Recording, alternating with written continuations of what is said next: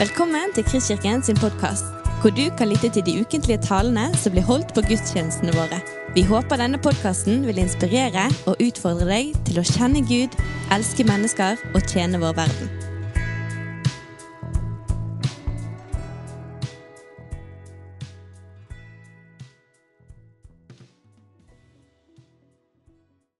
Du, Noen av dere har gjerne hørt meg dele historien, en spesiell historie om en mann som heter Dennis O- Wingfield. Jeg har bare lyst til å si med en gang at Når du deler den, så er det ikke for å navigere i det som har med skilsmisse, gjengifte å gjøre. Men jeg ønsker fra tid til annen å løfte fram denne broderen her.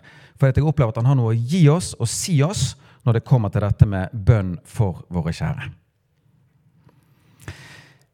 Historien er denne. Eh, det at Dennis han eh, satt en gang som brudgom i eh, en kirke sammen med sin brud. Og de var, som alle andre ektepar, uvitende om hva som ventet de to. I deres tilfelle så ventet krevende år. Etter ti år forlater hun han til fordel for et annet liv med en annen person. De levde hver for seg. Dennis lå på sine knær og ropte til Gud for sin kone og sitt ekteskap. Årene går. Venner anbefaler Dennis å komme seg videre. Han var omringet av både dyp sympati og nye muligheter. Men ut fra den forståelse Dennis hadde av ektepakten, så forble han trofast mot henne i denne tiden. Og for å gjøre en lang historie kort, åtte år seinere så kommer hun tilbake. Først til Gud, så til Dennis. Armene var åpne, tårene var sikkert mange, og Dennis eh, sa til hun at selv om ikke hun hadde holdt sin del av den pakten, så ville han være tro mot løftet han ga Gud og hun den dagen. Det var som om han sa, jeg lovet å være tro i gode og onde dager, dette har vært noen av våre onde. To år deretter dør hun av kreft. Vennene var spente på hvordan Dennis ville møte det. Alt det strevet i alle disse årene for så lite. Var det vel verdt det? Dennis uttrykte at han på sin kones dødsleie forsto at hans bønnekamp ikke først og fremst handlet om deres samliv. Dypest sett hadde han kjempet for sin kones liv med Gud, og hvor hun skulle tilbringe sin evighet. Og Siden kom Dennis med dette tankevekkende utsagnet som vi virkelig skal merke oss. og er kanskje hovedgrunnen til at jeg innleder med denne historien. Han sa dette om ikke jeg hadde kjempet for min kones frelse, hvem hadde da gjort det?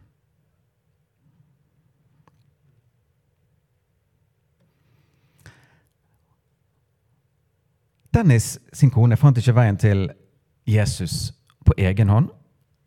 Hun oppsøkte ikke Jesus, klarte aldri å kjempe sin egen frelseskamp på et vis. Men hun hadde noe helt spesielt i sitt liv. En offervillig mann ved sin side som hadde tro til Gud og hjerte for henne. Det ble hennes redning. I Markus 5 finnes det en fortelling med likhetstrekk til dette. Jeg leser. En av synagogeforstanderne ved navn Jairus kommer dit Jesus var. Da han får se Jesus, kaster han seg ned for hans føtter. Han ber ham inntrengende og sier, 'Datteren min ligger på det siste.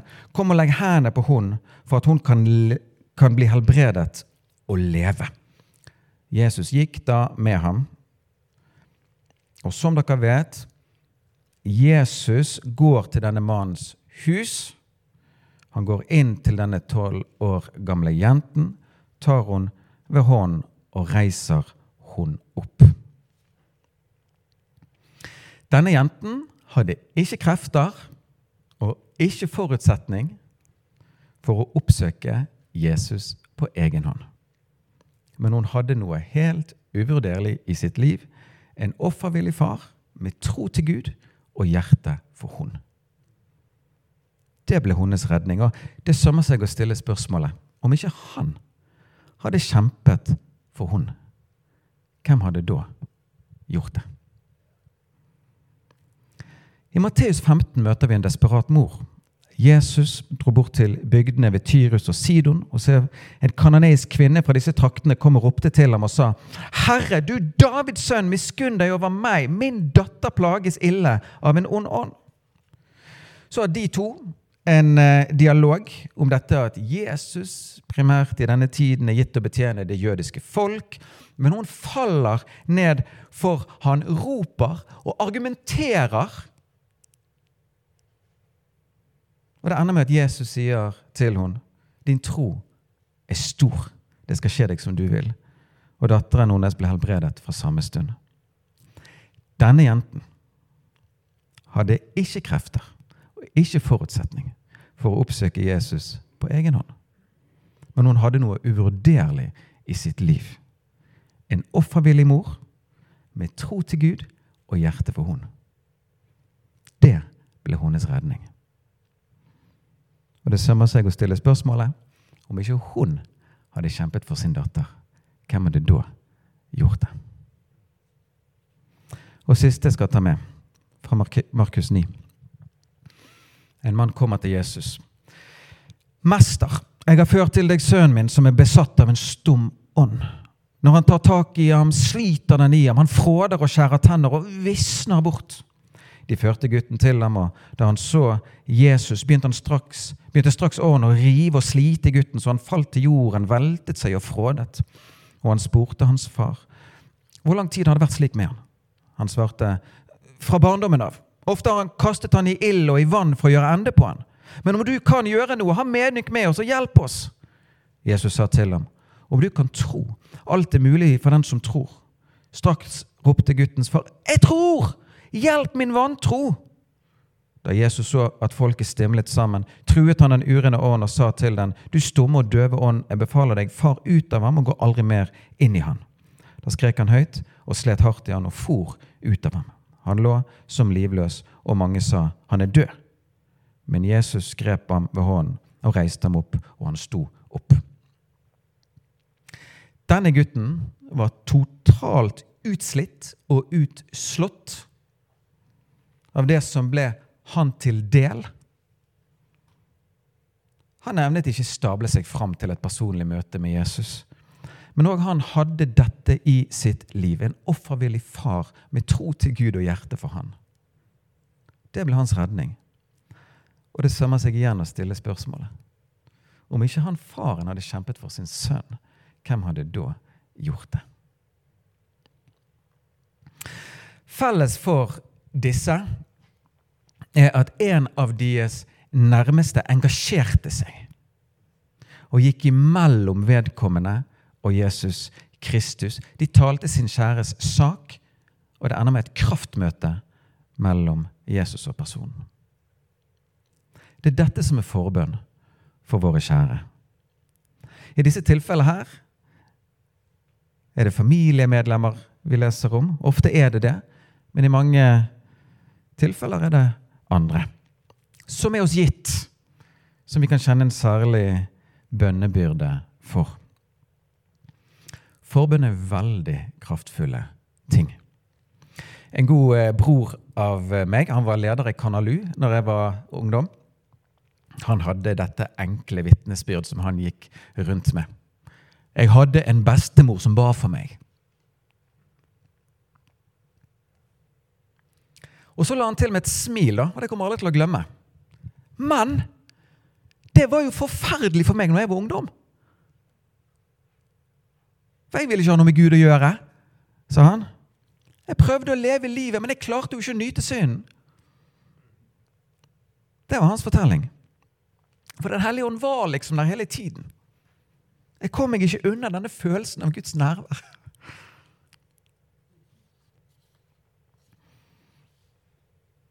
Bildet han maler opp, er liksom at han er som hønen. som eh, med tålmod og varme hviler over sine og ruger de fram til nytt liv. Og nettopp tålmodighet da, synes jo for mange å være et stikkord i dette bønn for våre kjære feltet. Det gjorde veldig stort inntrykk på meg denne høsten som var nå, når vi på Mission-konferansen fokuserte på Marie Monsen, Kina-misjonær Marie Monsen. Eh, jeg var ikke klar over at det tok så lang tid der borte før det virkelig begynte å skje noe. Hun ba og ba, hun. 26 år tok det før det virkelige gjennombruddet kom. Det kan være veldig krevende å høre. Men langt inni der så tror jeg òg for mange at det fins noe trøstefullt òg. Noe av det som jeg syns er ekstra fascinerende med denne damen her, Maria, ja, hun som har skrevet denne boken, her, Marie Monsen, det er det Og her kommer det en veldig interessant ting. Det er det at hun innstilte seg på at det kom til å ta så lang tid. Dette er fra de helt første sidene i hennes bok 'Vekkelsen ble en ånds aksjon'.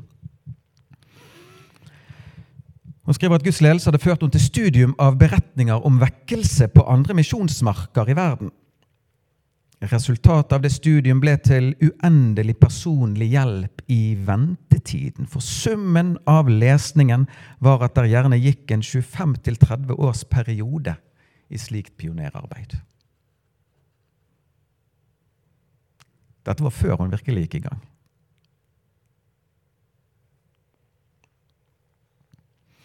Hun forteller òg innledningsvis om et voldsomt åndelig angrep. Det var så heftig at det er velkjent av mange av dere sikkert, det som skjedde. Hvorpå hun beskriver at hun ble helt fortumlet av det som, som traff hun den dagen. Men så sier hun den første tanke som kom etterpå, var så meget betyr bønn. Det var liksom entreen inn i en bønnetjeneste, en bønnesatsing. Så kom det angrepet. Så meget betyr bønn. Den opplevelsen hjalp meg til å holde ut de ca. 20 år før den lille begynnelse til vekkelse ble synlig. Gud arbeider i sannhet på lang sikt.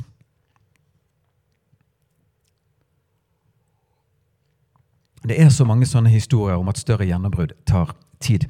Hovedtaler på en av disse andre misjonkonferansene vi hadde for noen år siden, hadde arbeidet som misjonær med sin mann i Himalaya-fjellet. Intet gjennombrudd. Ingen kom til tro før etter ca. 20 år, og da brøt det løs. Nå på fredag, Hver fredag morgen så ber jeg sammen med en del pastorer i, i byen oppe på rommet her, Utsikten. Og min eh, pastorkollega Per Ove Berg fra Kredokirken fortalte at de hadde pratet på bibelskoler besøk av et misjonærpar fra India, der historien var nesten identisk. 20 år tok det der før den folkegruppen virkelig fikk en, en erfaring av Gud. Tro og stahet, hadde det ekteparet sagt. Tro og stahet. Vi skal ta dette gjennom.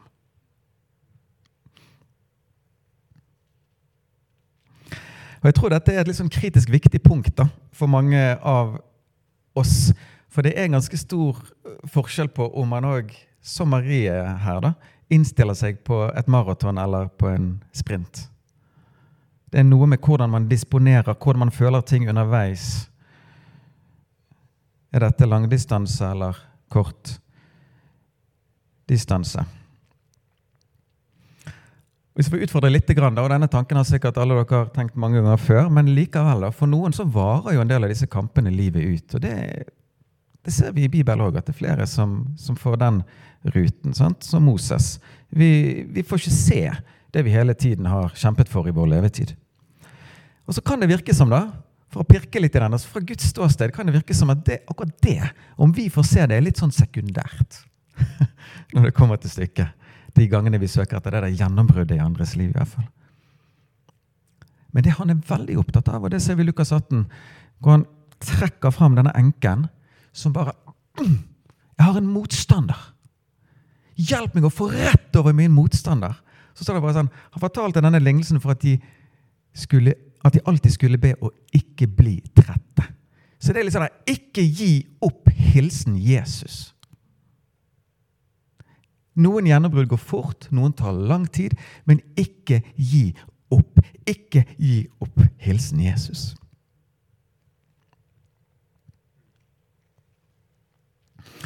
For noen år siden fikk jeg eh, være med og ta del i en glede på dette feltet. Noen som ikke ga opp. En venninne hadde bedt mye for sin mormor, eh, som ikke ville ha noe med Jesus å gjøre helt til det siste.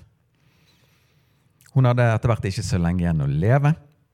Bønnetrykket ble dermed intensivert. Jeg var en av de mange sikkert som ble invitert med. Bli med og gjøre en innsats her. Og En gang når jeg var i bønn for uh, denne damen, så fikk jeg et syn av en stor, lang mur um, foran henne. Og den uh, var liksom knallhard og høyreist og, og vid. Men plutselig så brøt noen mursteiner uh, midt i muren løs. Det ble et hull, og et intenst, kraftig lys skjøt gjennom den åpningen og overveldet den damen. Med forsiktighet og respekt for situasjonen så fremla jeg det for de, så jeg fikk dette i bønn. De takket og tok det med seg. Seinere fikk jeg vite at denne mormoren på underfullt vis hadde åpnet seg for Jesus den siste tiden og kommet til tro på han. Og hun snakket sånn om dette lyset. Men her var det noen som virkelig ikke ga opp.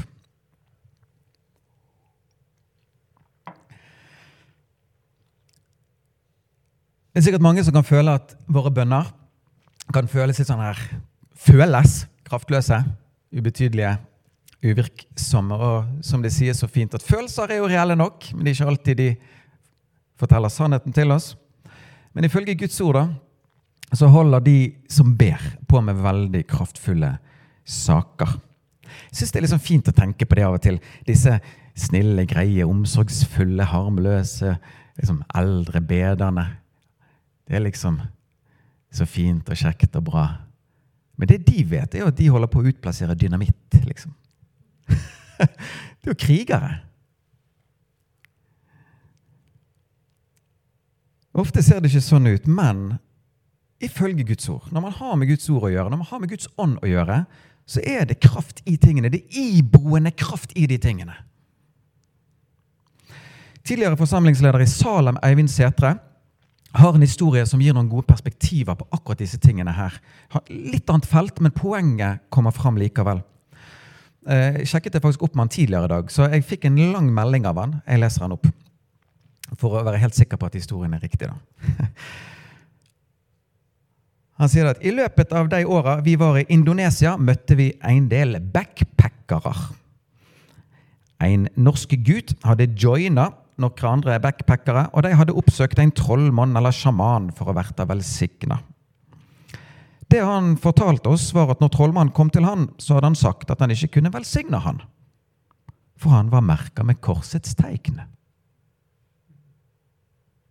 Gutten som fortalte oss hva som hadde skjedd, forsto ingenting av det hele. For, som han sa, var han ingen kristen. Den eneste forklaringa vi kom fram til, var at han var døypt som barn.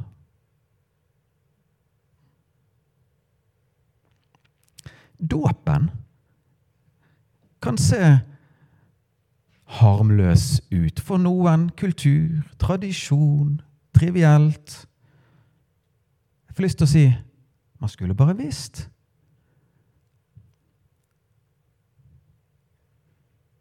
Det skjer mer enn det øyet ser. Guds hellige ord tales over det mennesket. Man merkes i korsets tegn, i Faderens Sønns og Den hellige ånds navn. Tror vi at det går upåaktet hen? Det er sterke, kraftfulle ting over et menneske. Og Det samme gjelder for bønnens verden og i bønnens verden. Et rettferdig menneskes bønn har stor kraft og virkning, står det. Og Her er noe interessant. 2. Korinterne 10, kjente vers for de som ofte er eller for de som er i bønn. Det står om disse festningsverkene, tankebygningene, høydene som reiser seg mot kunnskapen om Gud. Men så står det våre våpen og her siktes det bl.a. til nettopp bønn og ordet, er mektige for Gud til å bryte det ned. Så det er knallharde ting, det er høyreiste ting, det er vide, vidtrekkende ting. Men de er mektige for Gud, og det ordet 'mektige for Gud' der, det kommer av samme ordet som dynamitt. Dynamis. Kraft. Power.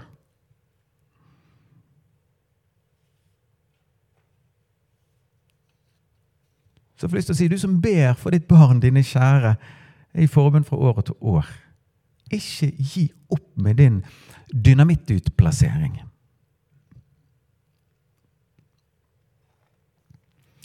Og I den anledning får jeg lyst til å bare smette inn en ekstra liten sånn oppfordring. Be Guds ord.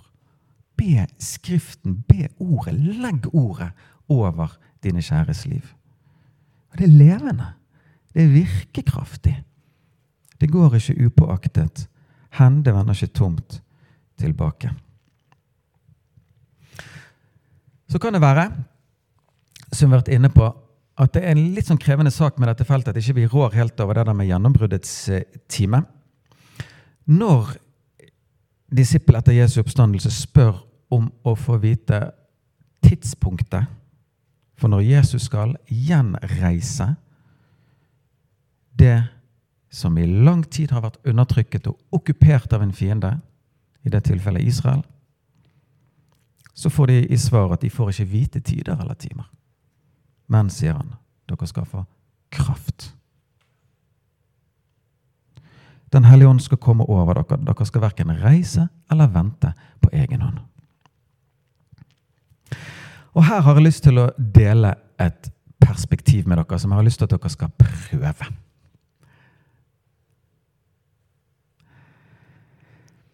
Som handler om at selv om ikke vi kjenner alt av tider og timer, så kan vi av den hellige ånds nærvær få leve på en spesiell måte i takt med våre kjæres liv og be med en unik timing. Om ikke vi kjenner tider og timer, så kan vi få be med en timing. Ånden kjenner alle ting.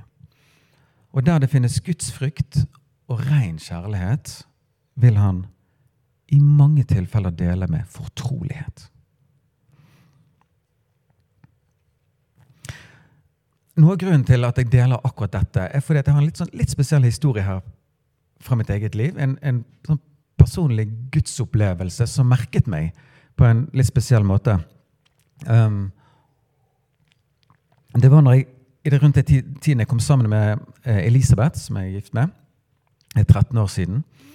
Eh, det var naturlig for meg å be for Elisabeth. og Så husker jeg en gang at jeg var litt sånn frimodig, da. Ja da. Spurte Gud om eh, Han ville liksom betro meg ting jeg skulle be for Elisabeth, sånn at jeg kunne be mer presist for henne. Og det var jo godt ment tror jeg. Men så var det noen øyeblikk der som jeg aldri kommer til å glemme. da. Opplevelsen var at jeg plutselig møtte Gud som ikke bare mine bønners mottaker, men Gud som hennes nidskjære og beskyttende far.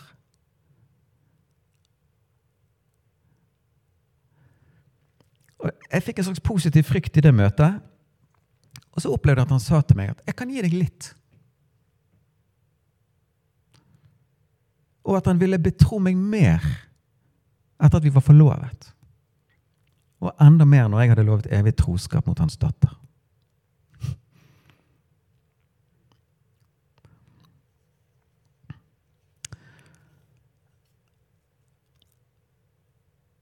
Igjen, dere får prøve det. Men jeg tror det er noe her. For vi vet at han ønsker å gi oss nøkler til himmelens rike. Lære oss å be, og det står at han har fortrolig samfunn med de som frykter han. Men jeg opplevde å se noe der, at Guds nivå av fortrolighet henger sammen med vårt nivå av kjærlighet for de det gjelder. Og hvis det stemmer, så er det veldig godt nytt for de som er i bønn for sine kjære. For der vil det i veldig mange tilfeller være en renhet i kjærligheten. Vi vil ofte befinne oss i en særstilling til å kunne motta presis og fortrolig informasjon fra Gud. Hva be når? Hva be nå? Sagt på en litt annen måte, der det finnes en spesiell medfølelse for en person, åpner Gud opp for at vi kan ha en spesiell medfølgelse av personen på livsreisen. Så om ikke vi kjenner alt av tider og timer, så kan vi få være i dette med en timing. Fordi Den hellige ånd skal komme over dere. Til slutt. Nå eh, når det er jul, så eh, kommer det inn en del interessante blomster i vårt hjem. Ting som blir gitt av ulike folk. En av de har jeg googlet meg fram til, heter amaryllis. I går så bare knakk den sammen. Og ble hengende. Vekten av blomsten på toppen der ble bare altfor tung å bære for den stakkars stilken. Den hadde liksom akkurat kommet ut, så eh, jeg forbarmet meg over den. Fant en pinne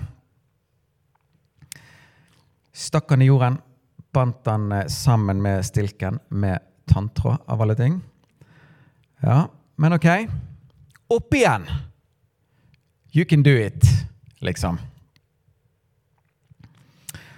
Så det er kanskje en og annen florist i salen som har lyst til å rekke opp hånden og si at det der handler om stell.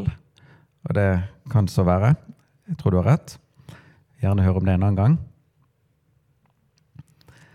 Men mitt poeng da, det var at jeg har lest at når vi oppmuntres i Galaterne 6.2 til å bære hverandres byrder, så er ordet for dette på grunnteksten det samme som når man setter en stolpe, en pinne, en stokk tett opp til en nedbøyd plante som har bukket under for en eller annen vekt og blir hengende. Så surres de sammen, og så blir den nedbøyde reist opp, holdt oppe av en annen. Noen ganger så er vekten bare for tung for oss. Og da har Gud gitt oss hverandre. Da har Gud gitt oss fellesskapet for at vi skal forstå sammen. Og Jesus sjøl demonstrerer hvor fint det der kan se ut i et sånt fellesskap. Han stilte seg ved siden av Peter da det var behov. Jeg ba for deg at din tro ikke skulle svikte. Og hvor eh, finurlig er det ikke sydd sammen. At det kan kjennes lettere av og til å ha tro for min nestes situasjon enn min egen. Og av og til lurer jeg på om det er noe som er bevisst innrettet og ordnet fra Guds side. For at vi skal trekke sammen, finne sammen, be sammen. For det to eller tre blir enige om å be om, osv. Så, så venner, vi går nå løs på en bønneuke um, der vi kan få stå sammen i dette med bønn for våre kjære opplive, oppildne hverandre på den ruten der. Tilføre tro, perspektiver til hverandre. Noen møtepunkt har vi tilrettelagt for her. Eh, men aller mest så har vi bare lyst til å reise opp fokus, bevissthet, og som fellesskap formidle at du er ikke gitt å, eller kalt til å ta denne reisen helt alene. Vi vil stå sammen med deg denne uken i det. Så bruk gjerne uken godt. Vær kreativ. Om så bare ring folk og be fem minutter på telefonen. Hva som helst. Men eh, det ligger en veldig utfordring her. Om ikke vi kjemper for våre kjære, hvem gjør det da? Så her tror jeg det er noe Den hellige ånd har lyst til å highlighte for oss enda mer. Du har lyttet til en podkast fra Kristkirken i Bergen. Vi håper du har blitt inspirert og utfordret i din vandring med Gud. Vil du vite mer om oss, så klikk deg inn på kristkirken.no.